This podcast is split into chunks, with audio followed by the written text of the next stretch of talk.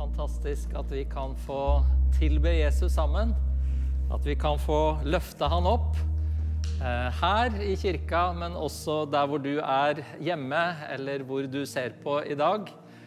Eh, så er vi så takknemlige for at vi kan få være sammen om å tilbe Jesus og løfte opp hans navn.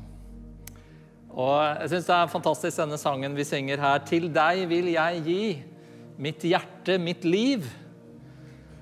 Det er virkelig det det handler om. Um, og jeg håper at uh, jeg kan få sagt litt mer i dag om hva det faktisk innebærer. Det å få lov å gi våre liv, våre hjerter, til Jesus og ta imot alt det han har for oss. Skal vi be litt sammen? Herre, vi takker deg for dette privilegiet om å være sammen. Takk at vi kan få lov å kjenne deg tilhøre deg og merke at du er nær hos oss. Gjennom lovsang, gjennom tilbedelse, gjennom ditt ord som vi skal dele sammen. Herre, vi ber at du vil tale til oss, at du vil møte med oss, at du vil åpenbare deg for oss. Og Vi ber spesielt også, Herre, at hver enkelt som har skrudd på nå i dag for å høre og delta i gudstjenesten, at de også skal oppleve ditt nærvær og din berøring på en spesiell måte, Herre. Takk at du er ikke langt borte fra oss, sånn som Thomas sa, men du er nær ved oss når vi kaller på deg, når vi tilber deg, og når vi roper på deg, Herre. Så takk at du er nær hos oss i dag, her og nå, og at du vil velsigne ditt ord for oss. I Jesu navn. Amen. Amen. Så bra. Så bra å være her. Så bra å se dere, og dere eh, som jeg ikke ser, men som jeg tror er på andre siden av det kameraet og den skjermen. Eh, vi skal altså snakke om verdig Guds kall, del to. Og jeg har funnet ut at fordelen med å tale to søndager på rad, det er jo selvfølgelig at man har mulighet til å si noe andre søndagen som man ikke rakk den første søndagen. Ulempen det er at man kommer på så mye man gjerne skulle ha sagt, at eh, det blir liksom ikke plass i den andre delen likevel. Men vi får eh, gjøre et eh, godt forsøk, og så får dere være tålmodige med meg og spisse ørene, holdt jeg på å si, og åpne opp for det som Gud ønsker å tale til deg. Jeg har en tro og en forventning om at Gud kan bruke det jeg har forberedt, til å tale noe spesielt til deg.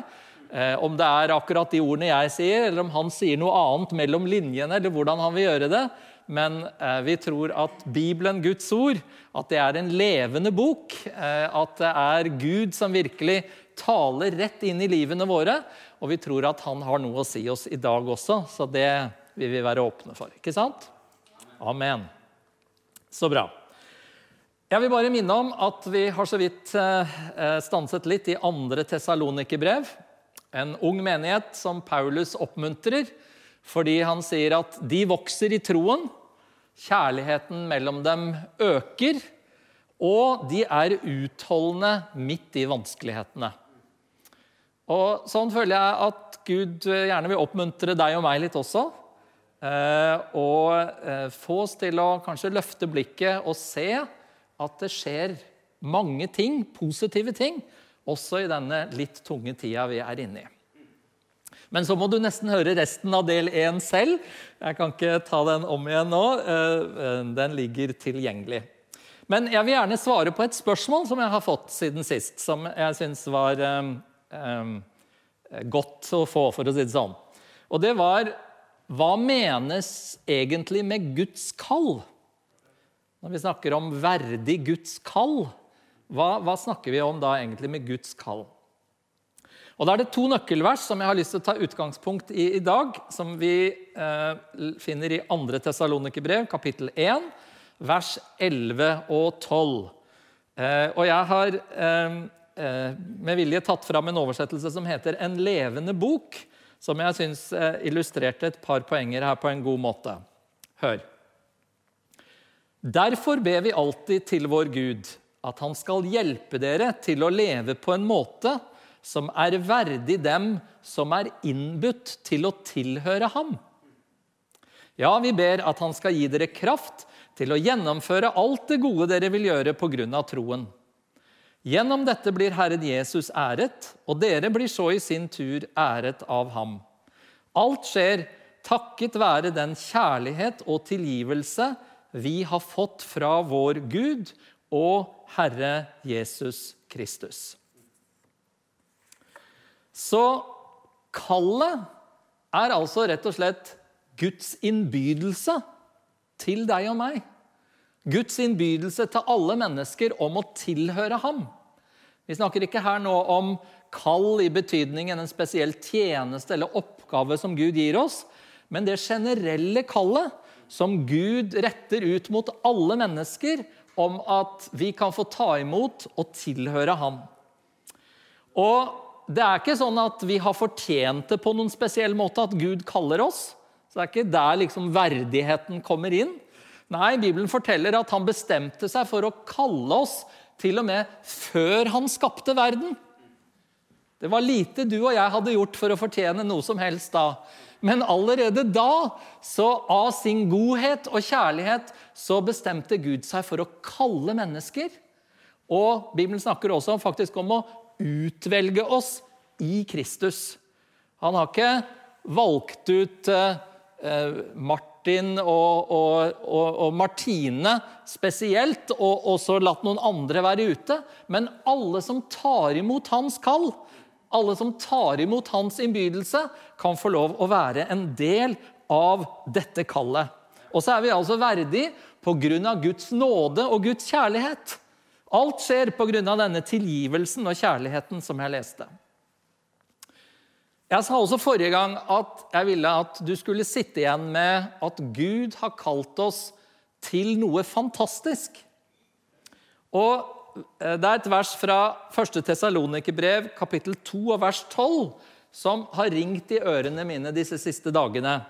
Og Der står det eh, Vi formante oppmuntret og ba dere inntrengende om å føre et liv verdig for Gud, Han som kaller dere til sitt rike og sin herlighet.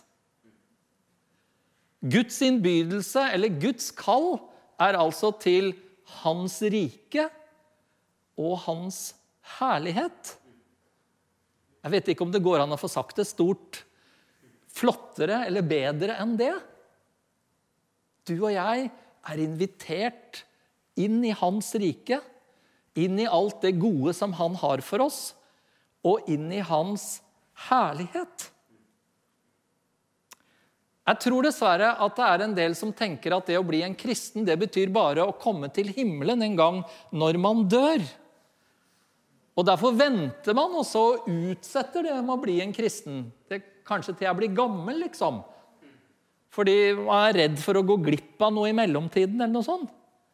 Men Guds kall og Guds innbydelse innebærer så mye, mye mer. Altså, Ikke misforstå meg, det blir fantastisk å komme til himmelen og være sammen med Jesus i all evighet. Men det kristne livet, samfellesskapet med Jesus, denne herligheten, den begynner her og nå. Det går an nå å oppleve denne gleden som ikke kan rommes i ord. Det går an nå å oppleve rikdommen i fellesskapet med Gud. Det går an nå å oppleve at det er en mening med livet. For han har kalt oss til sitt rike og til sin herlighet. Halleluja, for jeg lov, har jeg lyst til å si det. Ja, jeg får lov å si det også. Det er bra. Å leve verdig Guds kall handler om å leve i samsvar med dette fantastiske kallet. Og Her må vi være ærlige også på å si at vi opplever en spenning mellom kanskje hvor vi er, og hvor vi ønsker å være i livet. Det er noe med at vi er i en utvikling, at vi er i en prosess. Og de gode nyhetene som vi skal snakke litt om, det er at Gud arbeider med oss. Ikke sant? Og og så har vi da det flotte utgangspunktet at han har gjort oss verdige. Vi har fått komme inn i hans rike, bli hans barn, tilhøre han. Og så er vi en del av en prosess hvor vi stadig vokser i dette fellesskapet, i kjennskapet til Han. Og Sist så snakket vi om det jeg kalte den praktiske dimensjonen. Det med å vise andre Guds kjærlighet. I dag har jeg lyst til å snakke litt om kanskje det vi kan kalle den indre dimensjonen. Nemlig det at Gud holder på å forvandle oss på innsiden, sånn at vi skal bli mer og mer lik Jesus. Eh, Bibelen sier faktisk at Jesus blir herliggjort i oss. Hans herlighet blir synlig i oss og arbeider med oss. Her er det egentlig litt sånn svimlende ting for tanken, men jeg håper du vil være med meg og studere denne teksten vår litt nøyere. Vi skal lese fra en annen oversettelse som er enda litt mer ord for ord. Det vi leste i stad, i 2. Tessalonikerne 1, 11 og 12. Og der står det sånn Derfor ber vi alltid for dere at vår Gud vil akte dere verdige til dette kallet, og at Han vil oppfylle hos dere all god vilje etter sin godhet og skape troens gjerning med kraft, slik at vår Herre Jesu Kristi navn kan bli herliggjort i dere, og dere i ham, etter vår Guds og Herren Jesu Kristi nåde. Jeg sa det var masse her, så jeg skal prøve å dele det opp litt. Så Skal vi tygge det litt sammen. Men det første poenget mitt er følgende. Han vil oppfylle, sto det her, lysten i oss til å gjøre det gode.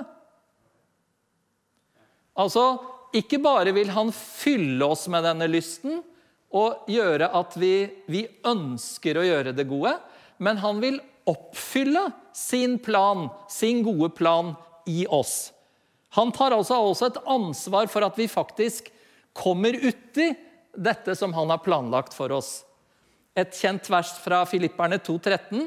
Det er Gud som er virksom i dere, så dere både vil og gjør det som er etter Guds gode vilje.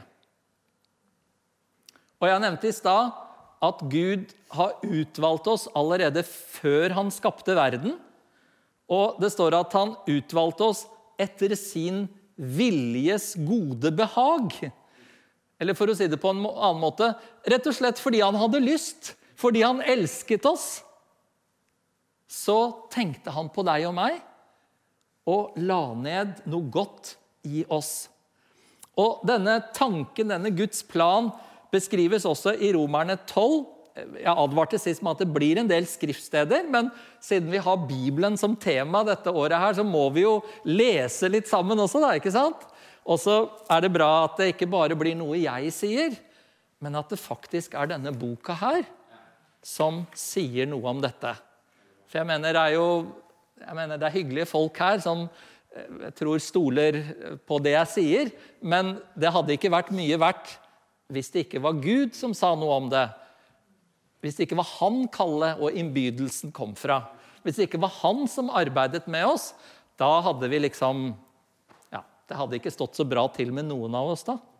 Men heldigvis så er det han som er på ferde. Og han sier i Romerne 12.: La dere ikke lenger prege av den nåværende verden, men la dere forvandle ved at sinnet fornyes så dere kan dømme om hva som er Guds vilje. Og hør, hva er Guds vilje? Noen er litt redd for det der med Guds vilje. Det er liksom noe skummelt, eller eh, holdt jeg på å si, Da jeg var eh, ung, så, så var liksom den store redselen å bli sendt som misjonær til Nord-Norge. eller noe sånt. Altså, ikke sant? Gud, vi har liksom sånne rare tanker om hva Gud, Guds vilje er, hvis vi overgir oss til Han, sånn som vi sang. Men hør hva som, hva som står det gode, det som er til hans behag, det fullkomne. Og hvis vi kan si det sånn Gud har på en måte ikke noe lavere standard enn det. Det gode, det som er til hans behag, det fullkomne. Det er vi kalt til å få være med på. Og Jeg vet ikke om du ser nivåene her. Nå går tiden altfor fort for meg, men jeg må prøve. Først så gir han oss mange gode leveregler og bud i Bibelen. Og han ber oss om å elske Gud og elske vår neste. Så kommer neste nivå, at han fyller oss med lyst og kraft til å gjøre det gode. La oss søke ham, la, oss, la ham bare få lov å fylle oss med det. Men så kommer det et tredje nivå her. Og det er at han arbeider i oss og forvandler oss til å stadig bli mer lik Jesus. Det er noe helt annet enn å ta seg sammen, noe helt annet enn å bare skifte frakk. Men det handler om et nytt menneske på innsiden. Og Det bringer meg til punkt to, nemlig han vil skape troens gjerning med kraft, leste vi. Og Jeg var så vidt inne på det sist, men det med troens gjerninger det er noe annet igjen enn å ta seg sammen. Jesus sa faktisk at han kunne ikke gjøre noe av seg selv, bare det han så sin far gjøre. Og så underviste Jesus om at uten han så kan heller ikke vi gjøre noe. Vi er avhengig av han akkurat som greiner på et tre.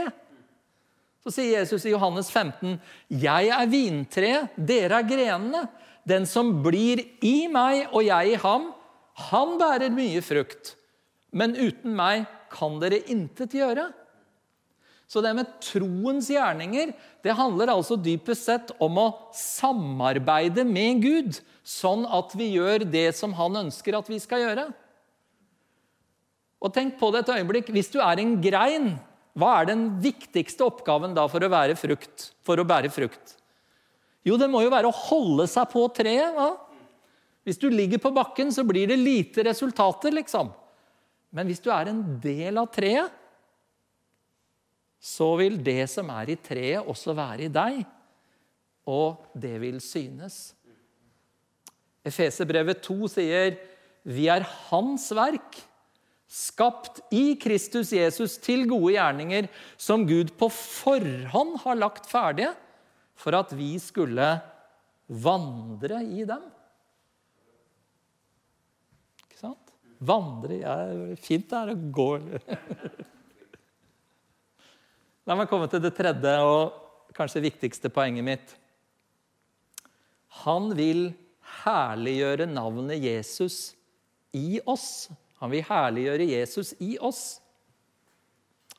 Og Her blir det faktisk for svakt å si sånn som noen oversettelser sier, at Gud skal bli æret hos oss. Altså, ja, det er en liten del av det. Men det handler altså igjen om denne Guds store plan fra evighet av. Om å forme oss til å bli lik Jesus. Og Da må vi lese et lite avsnitt sammen fra Romerne 8, som er veldig kjent. og Det er rett og slett så fantastisk, det som står der. Og Det kunne vært holdt flere prekener om disse versene også, men hvis du bare suger til deg akkurat det som står her, hør. Romerne 8, 28. Vi vet at alt tjener til det gode for dem som elsker Gud, dem han har kalt etter sin frie vilje. Dem som han på forhånd har vedkjent seg, har han også på forhånd bestemt til å bli formet etter sin sønns bilde. Så han skal være den førstefødte blant mange søsken. Og dem som han på forhånd har bestemt til dette, har han også kalt. Dem som han har kalt, har han også kjent, altså erklært rettferdige. Og dem som han har kjent rettferdige, har han også herliggjort.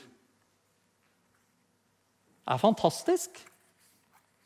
Vet du, det er rett og slett Guds triumf å forvandle mennesker sånne som deg og meg, svake, syndige mennesker, til å bli til pris og ære for Hans herlighet. Det står her han har kalt oss han har vedkjent seg oss. Vi tilhører han. Vi er hans barn, vi er Jesus' søsken. Og så har han gjort oss rettferdige, vi som ikke var det.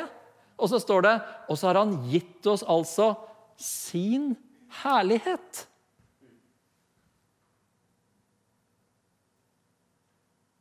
Og som ikke det var nok, så leste vi altså her innledningsvis at ikke bare skal Jesus bli herliggjort, altså eh, synes ut fra oss, for å si det sånn.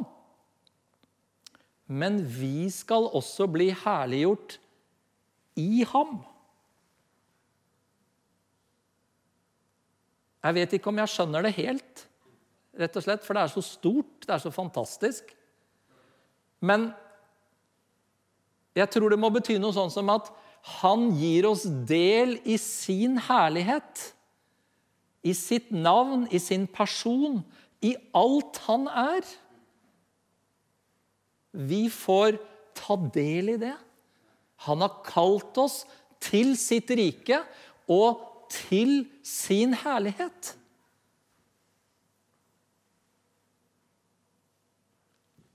Kolossebrevet er litt inne på det. Eh, og vi tolker kanskje i kapittel 3 vi tolker det av og til litt sånn at det bare handler om når Jesus kommer tilbake. Men jeg tror faktisk at hver gang Jesus får lov å synes gjennom oss, åpenbare seg gjennom oss, så skjer det som står her, at når Kristus, vårt liv, åpenbarer seg, da skal også dere åpenbares i herlighet sammen med ham. Det blir noe med at Jesus og vi blir så ett at mennesker kan få se hans herlighet gjennom oss. Jeg skal gå inn for landing. Hvordan kan alt det her skje? Jo, jeg sa det tidligere. De gode nyhetene er at Gud arbeider med oss. Det er ikke vi som skal greie det, men Hans ånd som forvandler oss når vi lever sammen med Han og søker Han. Gjennom Bibelen, i bønnen, i fellesskapet, men også i innvielse og omvendelse. Det handler også om at Jesus kan peke på ting i livene våre som vi trenger å vende oss bort fra. Det der er ikke bra for deg. Jeg vil gå en annen vei. Da kan jeg få lov å bekjenne det som synd og vende meg bort fra det og oppleve at Jesus setter meg fri, og at han hjelper meg videre på veien sammen med han. Og vi er ikke fullkomne, men vi vokser, og vi blir mer og mer forvandlet for hver dag. Det er det fantastiske.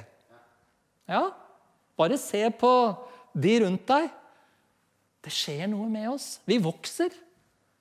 Vi er ikke små barn lenger, sånn som vi var kanskje til å begynne med da vi akkurat hadde tatt imot Jesus. Men det skjer en utvikling i livene våre, akkurat som vi naturlig vokser opp.